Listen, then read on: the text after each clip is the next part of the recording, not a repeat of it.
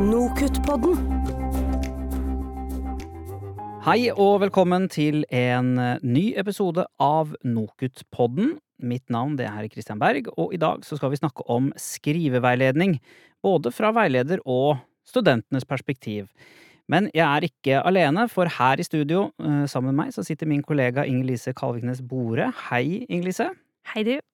Og på linje, som det så fint heter, så har vi dagens gjest og den som har forsket på dette temaet. Turi Marte Brandt Aanerud, velkommen til Nokutpodden. Takk for det, takk for det, og takk for å få bli invitert. Turi Marte, du er stipendiat på Institutt for lærerutdanning ved NTNU og forsker på masterveiledning i lærerutdanning. Kan du fortelle oss litt kort om hva forskningsprosjektet ditt handler om? Ja. Eh, forskningsprosjektet mitt det er jo in the making, da, men eh, det jeg er spesielt interessert i, det er å bidra med empirisk eh, kunnskap om hva som egentlig skjer når eh, veileder og student møtes til masterveiledning. Og da er jeg spesielt interessert i hvordan de snakker om og jobber med skriving og tekst i denne konteksten. Um, for det, ja, opprinnelig er liksom interessert i hvordan studenter lærer å skrive akademisk og fagspesifikt på, eh, på universitetsnivå. Um, og da er veiledning en spennende arena å undersøke det i, siden der må de prate om det og konseptualisere skriving og tekst for hverandre, og, og forhandle da om hvordan, det, hvordan denne oppgaven skal kunne bli til. Så Det er en spennende plass å undersøke det på. Så, da, så, så ja, Veiledning er på en måte plassen, og skrivinga er hovedfokuset mitt. Hvorfor er masterveilederen da, oppi dette her så viktig? Altså, disse her studentene de er jo om ikke prisgitt, så er de i hvert fall veldig avhengig av denne veilederen, da, som er deres liksom, nøkkelperson inn i fagfeltet og inn i, inn i det å, å, opptre og delta på en faglig måte på denne arenaen som vi kan kalle masteroppgaven. Så det er jo den det er på en måte, Den skal jo være der for å, for å støtte og hjelpe og, og eh, være på en måte deres eh, rådgivende part. Altså, de er litt prisgitt denne veiledningspersonen. Og veiledningspersonen er jo også en profesjonell fagperson som har det her som jobb. Som både får eh, betalt for den jobben og, og i det hele tatt eh, ja, masse Det kan spille inn når de skal søke jobb og alt mulig. Eh, så det er en viktig arena, men det er en arena som prates ganske lite om, både på institusjonen og også er forska ganske lite på. Så vi veit ganske lite om hva som foregår. Og det er jo veldig rart, siden det jo er noe veldig mange profesjonsutøvere gjør hele tida. Og noe som veldig mange studenter bare gjør én gang, men eh, dermed er mer avhengig av denne profesjonspersonen da, for å komme gjennom det her forløpet. Eh, så jeg svarte kanskje ikke helt heller tydelig på hva, hvordan forskninga mi egentlig har foregått. Så jeg skal kanskje si, si, kort om det, og hvordan jeg har tenkt å bidra da med empirisk kunnskap om det her. For som jeg sier, så er det ikke forska så mye på veiledning på, i høyere utdanning. Um, og den forskninga som er gjennomført, den er stort sett basert på intervjuer.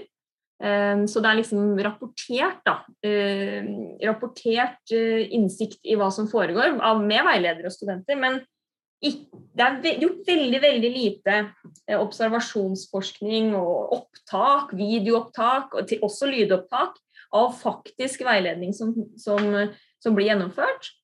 Og derfor så er det, det er på en måte mitt Det er der jeg har lyst til å prøve å bidra, da. Så jeg har uh, fulgt to studenter og deres veiledere gjennom fem måneder. Og med fulgt så mener jeg at jeg har fått dem til å gjøre videoopptak av alle veiledningsmøtene sine.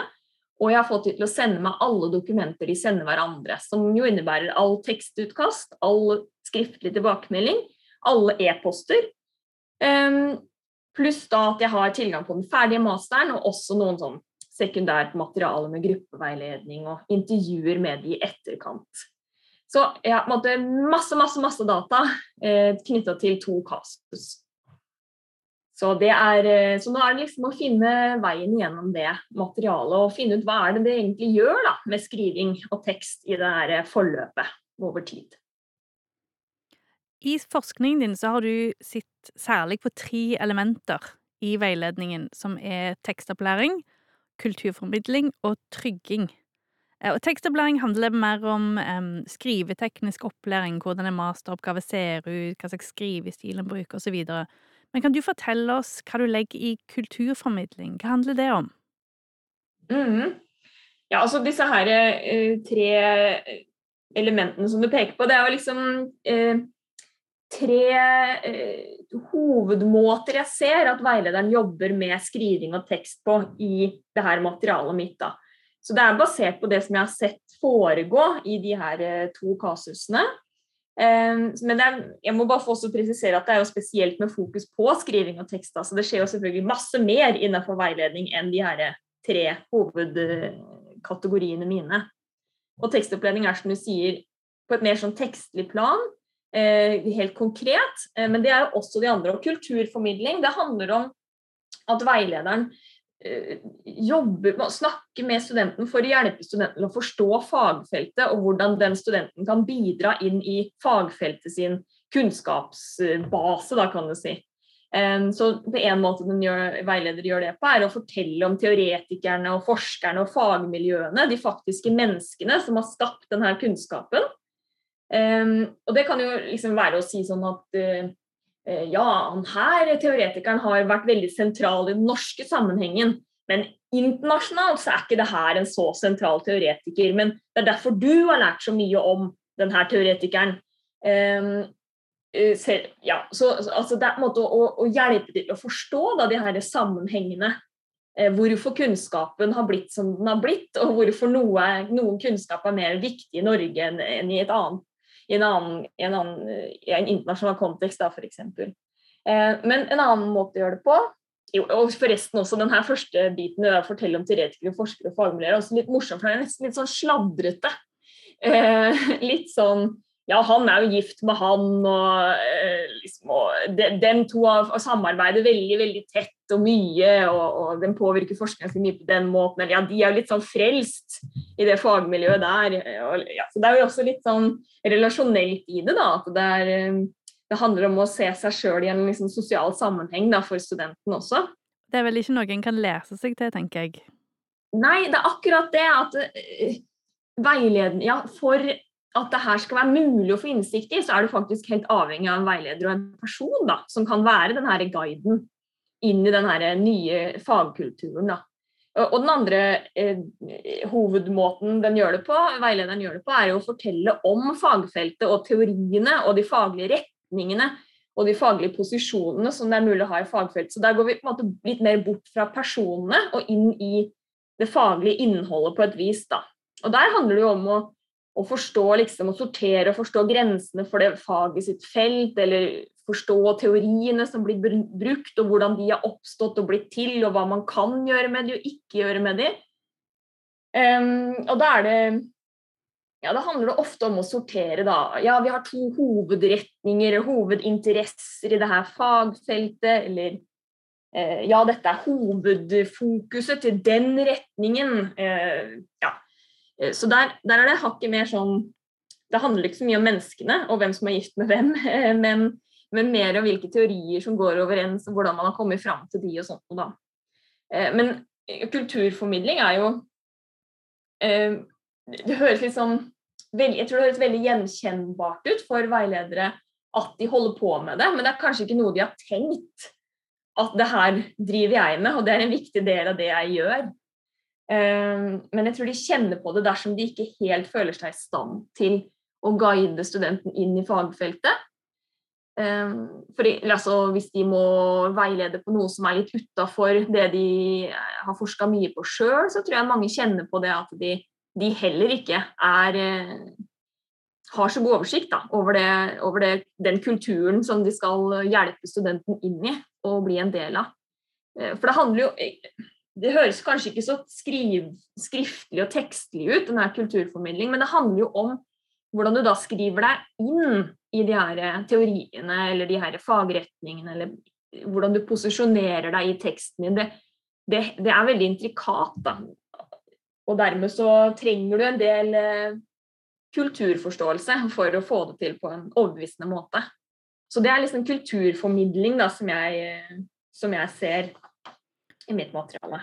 Hvordan er det veilederen gjør dette? Er det gjennom eh, kommentarer på utkast, eksempel? Hvordan, hvordan blir denne formidlingen gjort? Eh, nei, Der kommer vi litt sånn metodisk inn på det at jeg har materiale av mange ulike typer og slag. altså Jeg har både skriftlige tekster og muntlige tekster i mitt materiale. og jeg, jeg definerer jo veiledning ikke som bare den én-til-én-samtalen mellom student og veileder, men som dette hele. altså Det at man sender mailer til hverandre, det at altså tekstutkast etter utkast etter utkast som får skriftlige tilbakemeldinger, som blir diskutert i små samtaler. Sånn at eh, de her eh, både tekstopplæringa, kulturformidlinga, trygginga er ting jeg ser gjennomgående i alle de ulike måtene de samhandler på. Da. Eh, det kan være i en e-post, så kan det stå at pass på at du ikke legger for mye fokus på teoretikeren, det er, det er, retningen som er viktig. Eh, at man kanskje trekker det ekstra fram i en e-post. Eller det kan selvfølgelig være i skriftlig tilbakemelding, i kommentarer. Og det kan også være i samtalen. og det, Kanskje akkurat kulturformidling ser jeg aller mest av i den, det muntlige materialet. Hvor, de, hvor, det kan komme lange utgreielser på mange mange minutter av veileder som forklarer og oppklarer Eh, det som de ser i studenten sin tekst, da skinner igjennom i studenten sin tekst, at de ikke helt har fått forståelse for denne helheten i fagfeltet eller de her hovedretningene. Eh, men jeg ser det i alt materialet, og det, det er helt gjennomgående. At det, eh, det er ikke sånn at det ene skjer bare i mail, og det andre skjer bare i, i samtale. Det, de flettes helt sånn naturlig sammen, de ulike samhandlingsmåtene, eller hva jeg skal kalle det naturlig nok, da, siden det er jo to folk som blir kjent med hverandre over tid, og de bare kommuniserer på ulike måter. Ja, Det siste av de tre elementene som du har sett på i prosjektet ditt, er um, trygging. Hva, ja. hva, handler det om? Det sier kanskje litt seg selv, eller? Ja, litt seg sjøl gjør det. Eh, selv om vi kanskje ikke er så vant til det ordet. Jeg er litt usikker på om jeg kanskje har funnet litt, nesten litt på uh, i hvert fall en ny form av ordet uh, å trygge. Men trygging, ja. Altså i kategorien trygging så er det flere ulike eh, undermåter, da, eller underkategorier, som, som, veileder kan gjøre. Det er til sammen nå altså Dette er jo helt i bevegelse i mitt arbeid, men sånn som nå så kan man oppsummere det i, seks ulike hovedpunkter. Da, ulike ting de gjør. For så forklarer de at skriving er hardt arbeid for de fleste og de forteller om egen erfaring med skriving. Eh, og, de to de handler jo mye om å rett og slett gjøre studenten klar over at det ikke er noe gærent med dem hvis de syns det er vanskelig å skrive, eller hvis de syns at det stopper opp, eller at det er at de ikke helt veit hva de skal skrive, eller at de skriver utrolig rotete og, og, og, lite sammenhengende i starten. Eller, altså alle sånne her usikkerheter knytta til selve skriveprosessen. Det bruker begge veilederne mine ganske mye tid på å prate om. Da, betrygge, kan man kanskje kalle det. Eh, og, og ja, betrygge studenten i at det ikke er noe gærent med deres prosess, men at det er skriving som er vanskelig i seg sjøl og for de fleste. Og Der bruker de seg sjøl som, som, som, ressurs. Da. Jeg har gjort det masse sjøl også, sier denne veilederen. Der jeg har stanga og, og trodd at det her er slutten, da. Men så skjer det jo ting mens en stanger og, og nøster opp i ting. Altså, altså man, alle stanger, alle stopp, det stopper opp, og alle syns de skriver litt dårlig i starten, men så, dette er en, sånn det er å skrive. Et annet uh, punkt som, uh, som, jeg da har, som er en måte veilederen trygger på, det er at den menneskeliggjør de andre forskerne. Uh, det ligner jo litt på det her med å fortelle om forskerne og fagmiljøene som man gjør i kulturformidling, men det, det, er noe helt spesielt som gjøres her. Da, for her gjør på et vis Eh, veilederen det å skrive til det her fagfeltet litt lettere for studenten. Og Der har jeg et helt konkret eksempel hvor veileder sier til studenten at bare det å få oversikt over feltet er jo dritvanskelig, sant? Mm, svarer studenten. Sånn som når han Chomsky pe altså peker veilederen på en bok han har, som har veldig god oversikt. Selv han sitter ikke med en følelse av at han har fantastisk oversikt for det. Men han må jo liksom bare ta et valg, da. Ja. Fra mitt synspunkt er det sånn og sånn, sant? Ja. Han kan jo trygt si en del ting også, fordi han, er, han har god oversikt. Men det er ikke sikkert han går og tenker at han har det. Eh, her hører vi også hvordan veileder bruker en supersentral teoretiker fra det fagfeltet til å si at det er ikke sikkert at selv den mest sentrale teoretikeren går og kjenner at han har oversikt. Men allikevel så må han bare gjøre noe når han skriver. Må ta et valg og si 'jeg velger å dele det inn på denne måten'. Um, det sånn at uh, På den måten så gjør veilederen det tilgjengelig for studenten da, å gjøre det samme. Og ta et valg. Og bare må stole litt på at 'nå gjør jeg det på denne måten', bare jeg forklarer hvordan jeg skal gjøre det.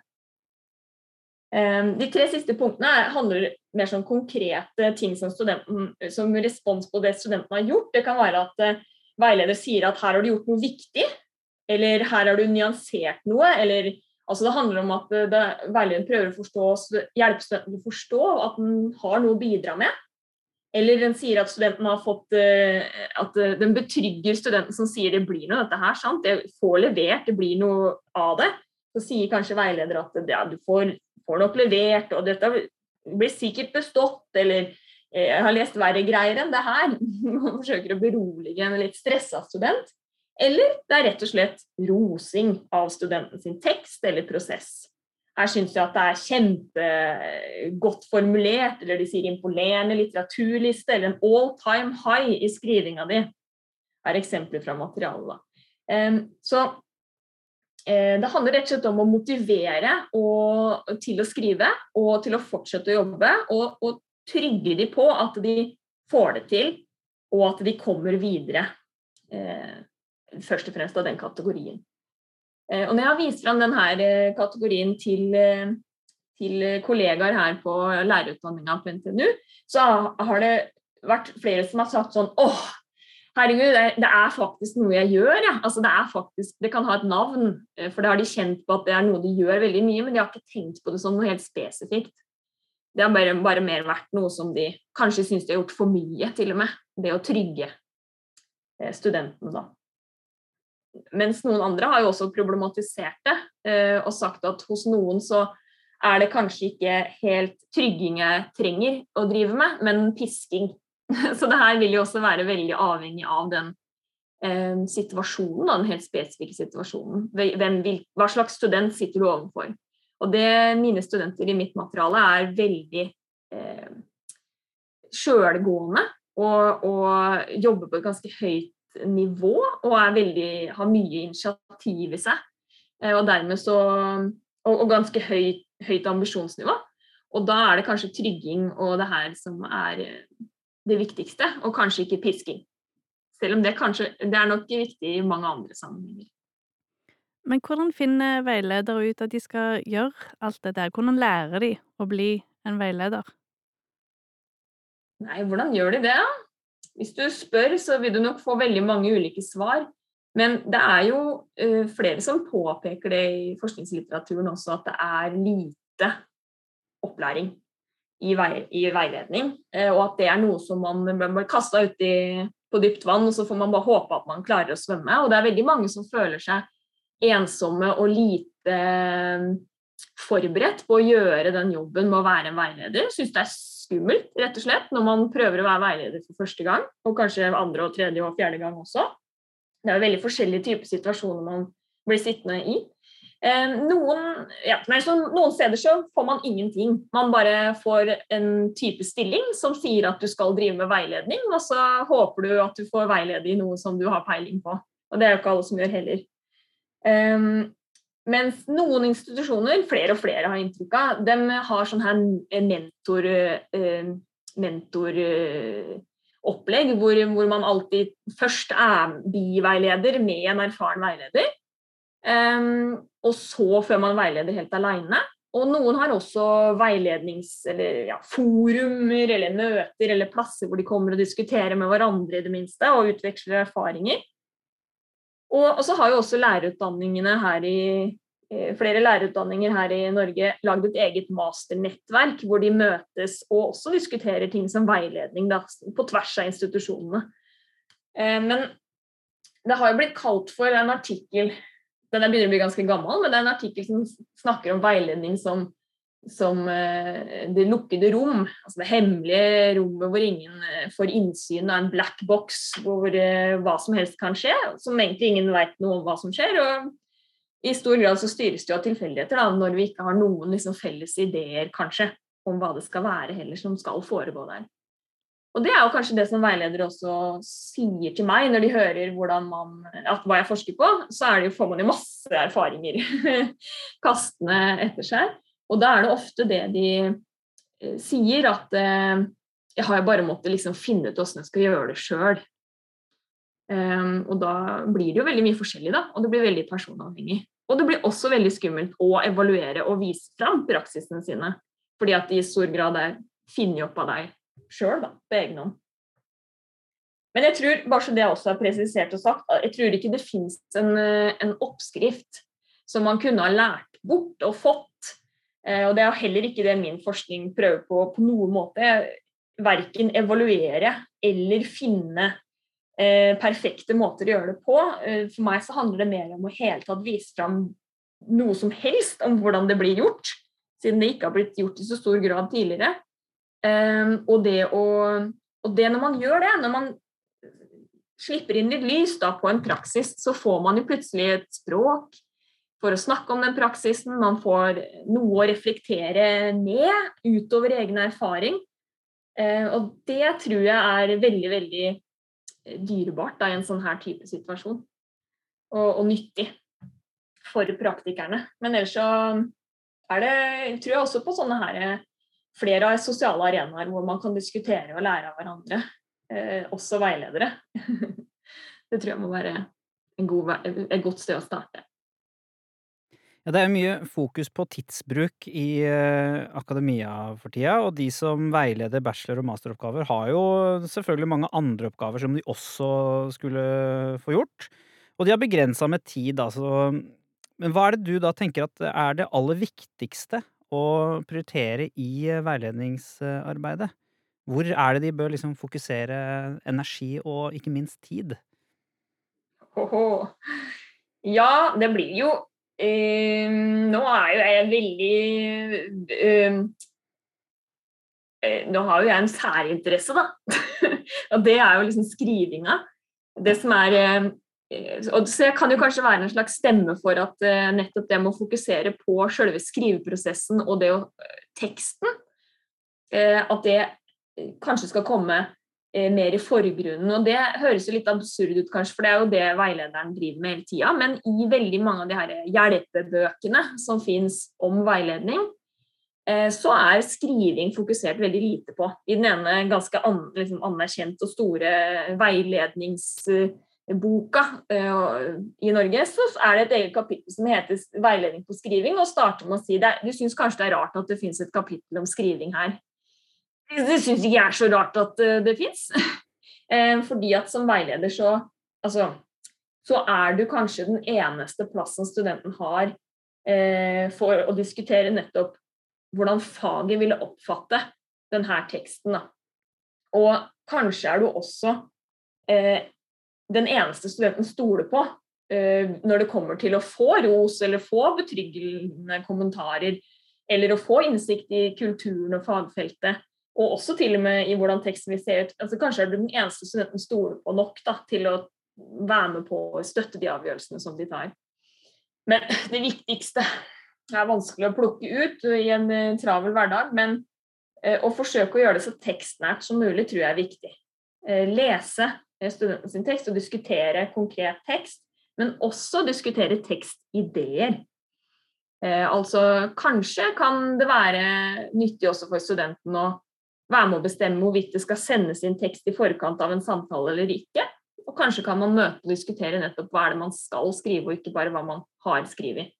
Det kan i hvert fall være en, en, en ut, utvidelse av hva man ellers tenker om veiledning. Da. At man har fokus også på skriveprosessen og ikke bare produktet.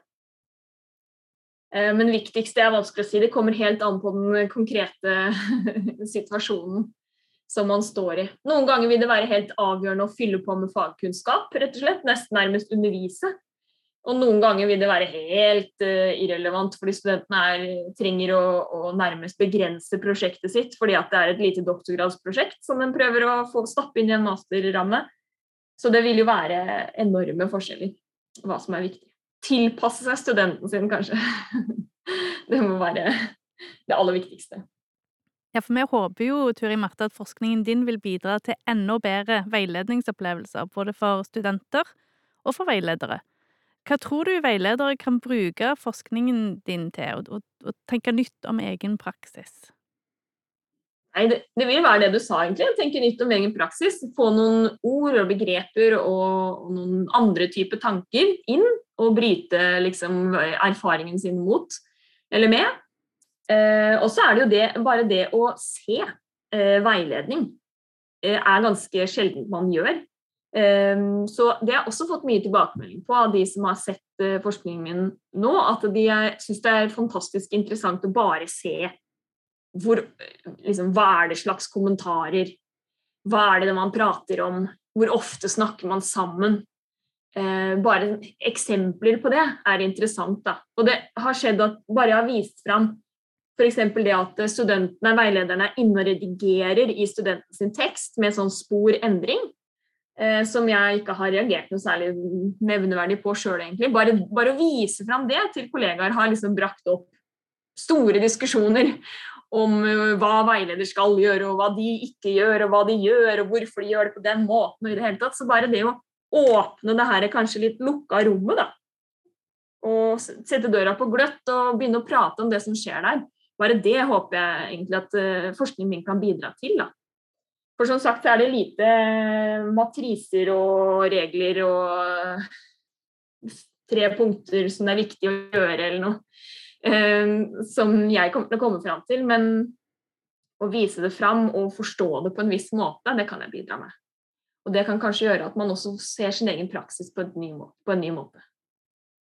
Forhåpentligvis. Eh, hvis det er nødvendig, da. Det trenger ikke å endre noe heller. Hvis alt fungerer godt. Men å tenke gjennom det man gjør, tror jeg alltid er nyttig. Det var det vi hadde i denne episoden av Nokutpodden. Tusen takk til dagens gjest, Turi Marte Brandt Aanerud, som har gitt oss eh, flere smakebiter fra sin forskning. Nokutpodden, vi nærmer oss 50 eh, episoder, faktisk, og har jo da flere episoder om tilbakemelding og veiledning, om du vil høre flere gode eksempler. For eksempel den som heter Den om tilbakemelding og veiledning, som tar for seg da peer mentoring. Med det så sier jeg Christian Berg og min kollega Inger-Lise Kalviknes Bore takk for følget, og så høres vi igjen i en ny episode av Nokutpodden. Nokutpodden.